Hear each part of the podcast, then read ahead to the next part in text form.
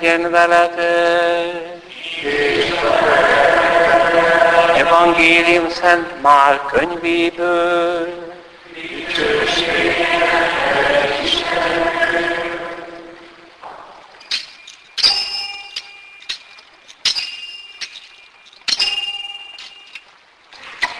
Abban az időben egy leprás jött Jézushoz.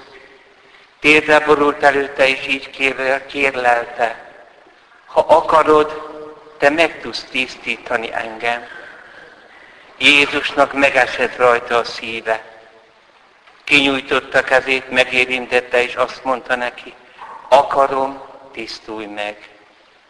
Erre rögtön elmúlt a leprája, és megtisztult. Jézus szigorúan ráparancsolt, és mindjárt elküldte ezekkel a szavakkal. Vigyázz, ne szólj erről senkinek egy szót sem, hanem menj, mutasd meg magadat a papnak, és tisztulásodért mutasd be Mózes rendelte áldozatot bizonyságul nekik. Ám az alig, hogy elment, mindenfelé hirdetni és híresztelni kezdte a dolgot. Emiatt Jézus nem mehetett többé nyilvánosan a városba, inkább kint, elhagyatott helyeken tartózkodott. Mégis mindenünnen özönlöttek hozzá az emberek. Ezek az evangélium így.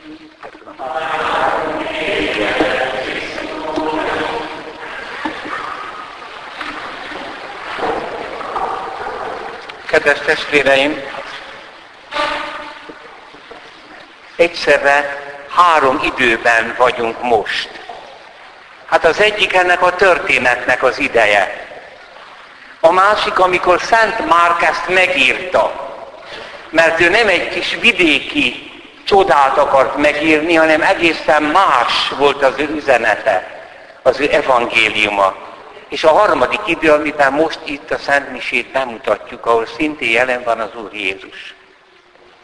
Kedves testvérek, ez a történet nem ért azzal véget, nem kapta meg a végső értelmezését, hogy ez az ember meggyógyult a leprájából, elment a zsidó paphoz, és aztán az beiktatta ismét a szent népben.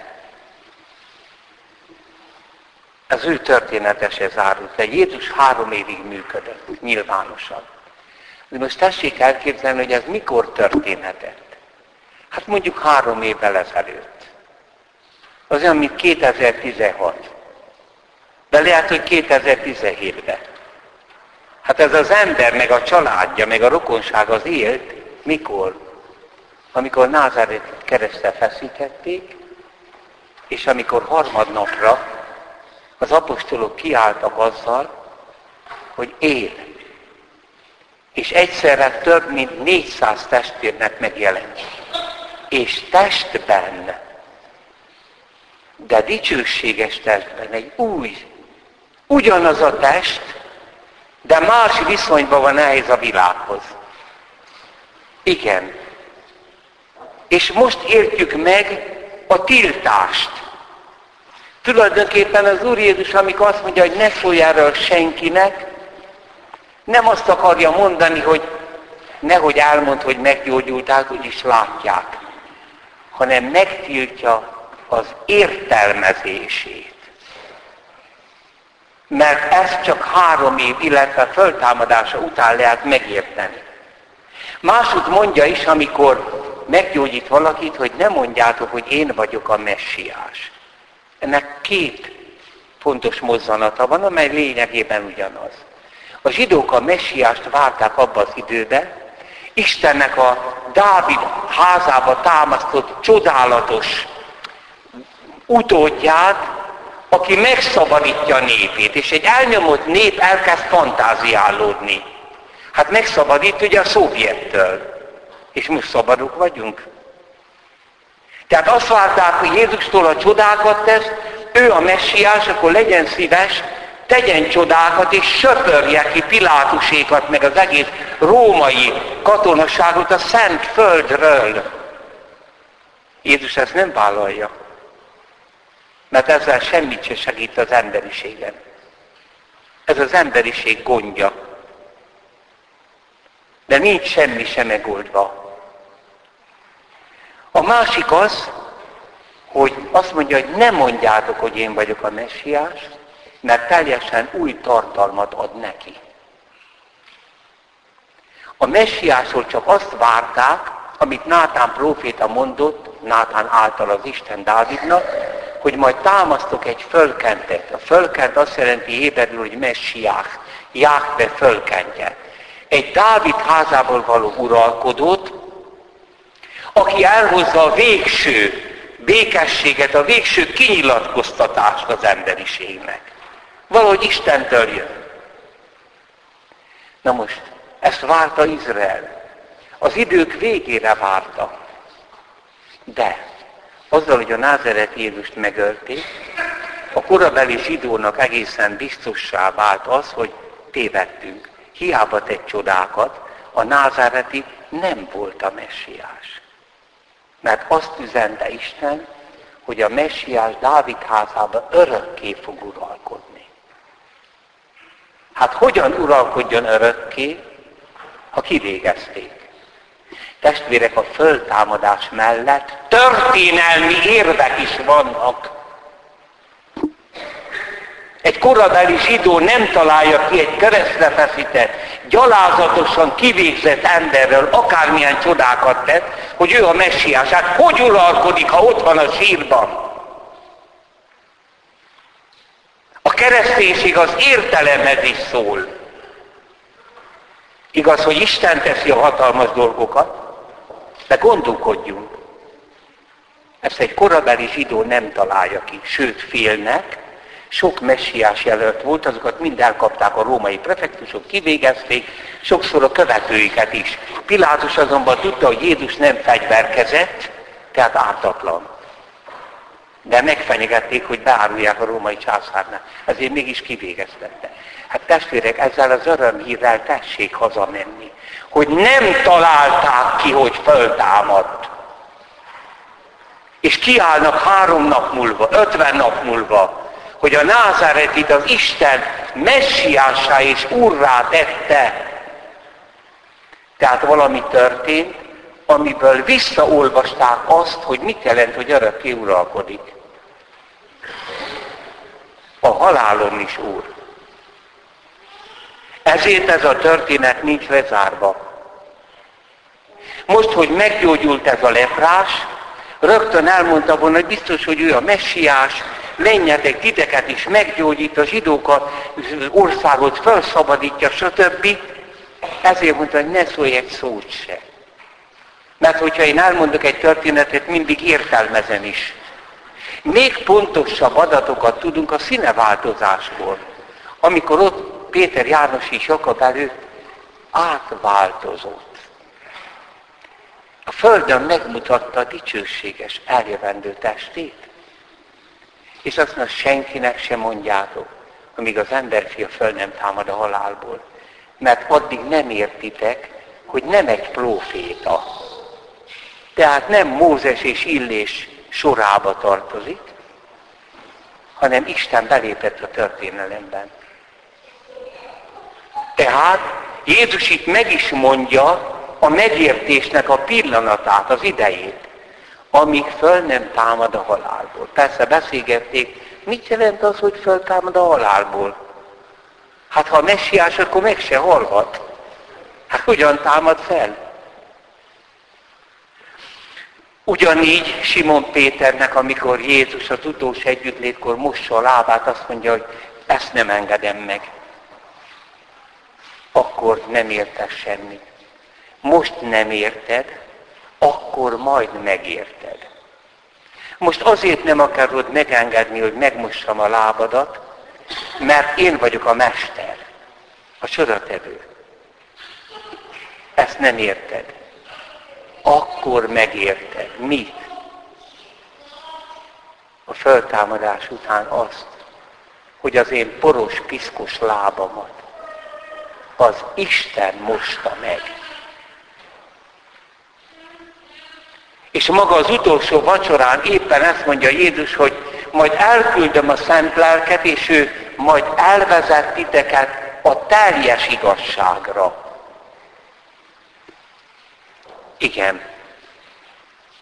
Tehát ezért volt ez a tiltás. Ezért ez a történet önmagában nem értelmezhető. És bocsánat, és miért tartozik én rám? Hogy 2000 éve ezelőtt volt egy zsidó proféta, és az csodát tett. Na és én velem meg kitesz csodát? És meg kell halnom. Aztán egy másik dolog is, amit később ért meg ez az ember, egy-két hónap múlva mondjuk, meg a családja. Leprás lett, ezért kizárták a szent népből. Tisztátalan, tisztátalan, azt kellett kiabálni. Ez nem azt jelenti, hogy piszkos, meg hogy, fertő, hogy fertőző, hanem azt jelenti, hogy vallásilag lett tisztátalan. Miért? Mert az Isten kiválasztott egy népet, aki által majd az össze, a világ összes népéhez eljut az üzenete. Ábrahámot megáldja, és azt mondja, hogy majd egyik utódodban, egyes számban mondja, majd megáldom a föld minden nemzetét. De most azért különítelek el benneteket zsidók, nem mert különbek vagytok, hanem hogy valamit rátok bízok, amit meg kell évszázadok múlva tanulnotok, hogy amikor majd elküldöm az utolsót, az én fiamat, akkor ezt megértve majd elmondjátok a többinek. Na most itt van egy érdekes összefüggés. A lepra az gyógyíthatatlan volt és ragályos. Tehát itt nem csak arról van szó, hogy, hogy megfertőz másokat, hanem például az egész zsidóság leprás lesz, akkor az Isten műve tönkre megy. Hát akkor nem lesz az a, az a kiválasztott csoport, akinek odaadja a végső tudást. Tehát ezért nem csak egészségügyileg tisztátalan, hanem el lett különítve a szent néptől. Te most nem tartozol abba a történetbe, amit Ábrámmal Isten kezdett. Mert ha netán kiveszne a nép a lepra által, akkor mi lenne az isteni művel? Igen, milyen megdöbbentő ez a tiszta vagy tisztátalan. De az Úr Jézus már egy másik tisztaságról is beszél. Persze, az, hogy valaki a szent néphez tartozik, az egyfajta tisztaságot ad, kiválasztottságot. De azt mondja, igazában a szívből származik minden tisztátalanság. Nem attól, hogy érintek egy halottat, akkor meg kell mosakodni. Piacon vagyok, utána meg kell mosakodni. Nem azért mosakodtak higiéniai szempontból, hanem azért, hogy azt az árut egy pogány megérintette. És akkor a pogány érintéstől ő is meg lesz vallásilag fertőzve. Az Úr Jézus egy alapvető tisztaságot akar, és előkészíti őt ezzel, hogy ő most integrálódhat a szent népbe, ez a történet nem játszódott meg, majd amikor ez az egykori leprás a keresztény gyülekezetben megjelenik, és elmondja, hogy én voltam az, és megkeresztelkedik. Akkor lép be igazába a szent népbe, amely már a végső Izrael, amely már nem arra alakul, hogy milyen fajhoz tartozik, hogy magyar, hogy zsidó, hogy arab, hanem Krisztusban lép egy új közösségbe. Csodálatos. Tehát az, amit itt meg kellett neki értenie, ez az első az, hogy kicsoda Jézus. Ezt csak a föltámadás után értette. Aztán meg kellett értenie azt, hogy melyik az a szent nép. Hogy a zsidóságnak van egy szerepe. Most is a pogányság felé még, egy lépés a kereszténység felé. De annál egy fajhoz kötődik. Igazából bárki mai zsidó lesz, az mindig másodrangú zsidó. Oda ahhoz kell tartozni, hogy leszármazottja legyen Ábrahámnak. Isten itt egy új alapot teremt az emberiség egységéért. Egy megdöbbentő könyvvel találkoztam, Martin Buber, zsidó filozófus, testvérek, minden egyes gondolatával megerősít a keresztény hitben. Ő mélyen hívő zsidó. Még abban is megerősít, ahol a kereszténységet elválasztja a zsidóságtól, mert is nyilván. Például ebben azt mondja, a kereszténység folyama, mely Izrael forrásából indulva elárasztotta a világot, annyi a kereszténység annyiban feladja a szent nép koncepcióját, csak a személyes szentséget ismeri. Nagyon érdekes. Tehát valaki az ókorban azért tartozik a szent néphez, mert zsidó az anyja, meg esetleg az apja is. Tehát maga a nép van kiválasztva, nem az egyén. Itt észreveszi Martin Buber, hogy itt egy rettenetes változás történt. Itt a személy van kiválasztva, aki Jézusba hisz. Azt mondja, ezáltal eladdig ismeretlen intenzitásra és bensőségesre tesz szert az egyéni vallásosság.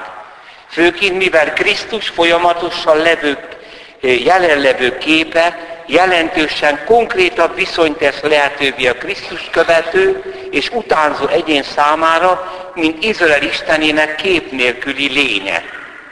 A kereszténység számára megnyert népek, a magyarok is, ellentétben Izraellel, amely a szövetség népeként alapvető kapcsolatban állt vele, bizonyosan nem is léphetnek közvetítő nélküli kapcsolatba.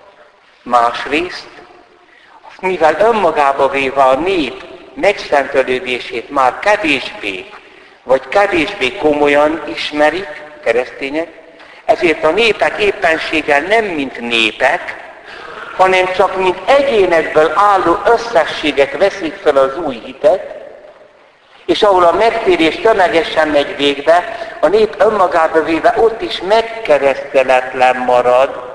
A hirdetett új szövetségbe a nép nem lép be, hanem az egyének. Zseniális. Többet úgy nincs szent nép, hogy szent magyar nép, szent szlovák nép. Nincs.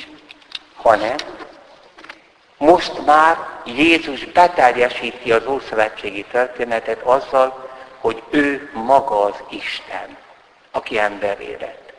Tehát ha én hiszek benne, akkor az isteni természetben részesülök.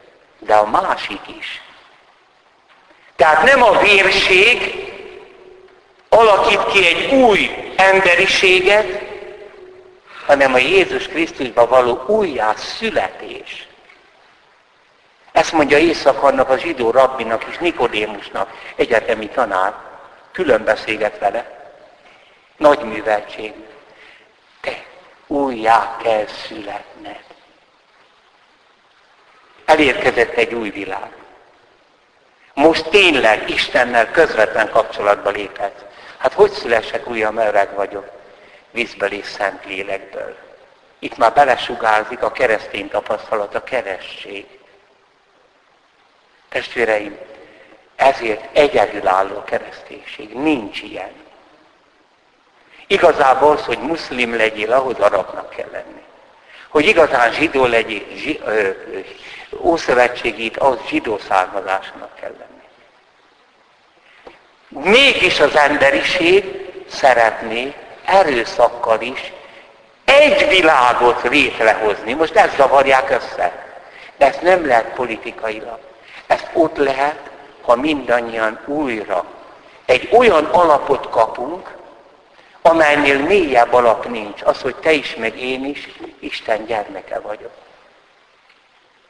Két keresztény sokkal jobban rokona egymásnak, mint két édes testvér vagy ikrek. Mert külön lények. Mi bennünk pedig ugyanaz az isteni természet van. Hihetetlen.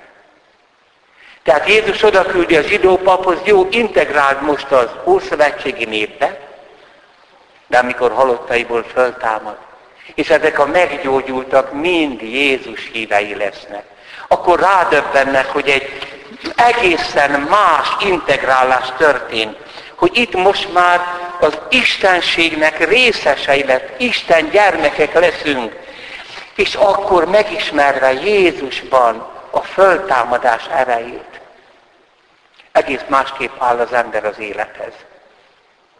Most már nem csak a, a jólét jele annak, hogy Isten szeret engem, hanem mivel Isten Jézusba szenvedett, meghalt és föltámadt, az én leprásságom, gyógyíthatatlan, adja Isten, ne adja Isten, gyógyíthatatlan betegsége, az agóniám, a haldoklásom is se választ el Istentől, hanem átmenetel az ő dicsőségébe. Az egész Ószövetség Jézusban fordul át új Izraellé. Ezért mondja, nagyon mély jelentése van az utolsó vacsorán, én vagyok az igaz szőlőtő. Mert a szőlő az Izrael jelképe. Vagyis én lettem az egyetlen igaz izraelita. Összefoglalom az egész Ábrámi történetet, mert én vagyok az, akit az Atya küldött, minden én vagyok. A messiás is, az emberfia is, aki majd eljövend. De én vagyok az Emmanuel is, amit megígért a zsidóknak az Isten, vagyis a velünk levő Isten. Így tehát a történet, valahogy az, és így az egész emberiség története Jézusba valamiképpen betegyesedett. Az egyház ezt a teljességet hirdeti meg. Nincs több üdvösség történet esemény, nincs mire vártok. A csodák azok nem ezek már. Egyetlen szót se kapunk oda átról, ezért kell őrizni sértetlenül a Krisztusi evangéliumot, és semmit meg nem változtatni. Ezért kell a szentségeket őrizni, a misének a méltóságát, ahol az áldozással részesülünk az Istenségből, és igazán testvérek leszünk. Ezért majdnem minden evangéliumnak ez a hármas ideje megvan. Az a bizonyos történet, az Úr Jézus halála, föltámadása is a pünköst, és a mise.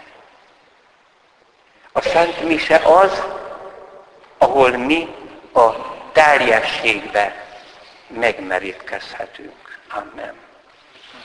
Hiszek az egy Istenben, mindenható atyában, mennek és földnek, minden láthatónak és láthatatlannak teremtőjében. Hiszek az egy Úrban, Jézus Krisztusban,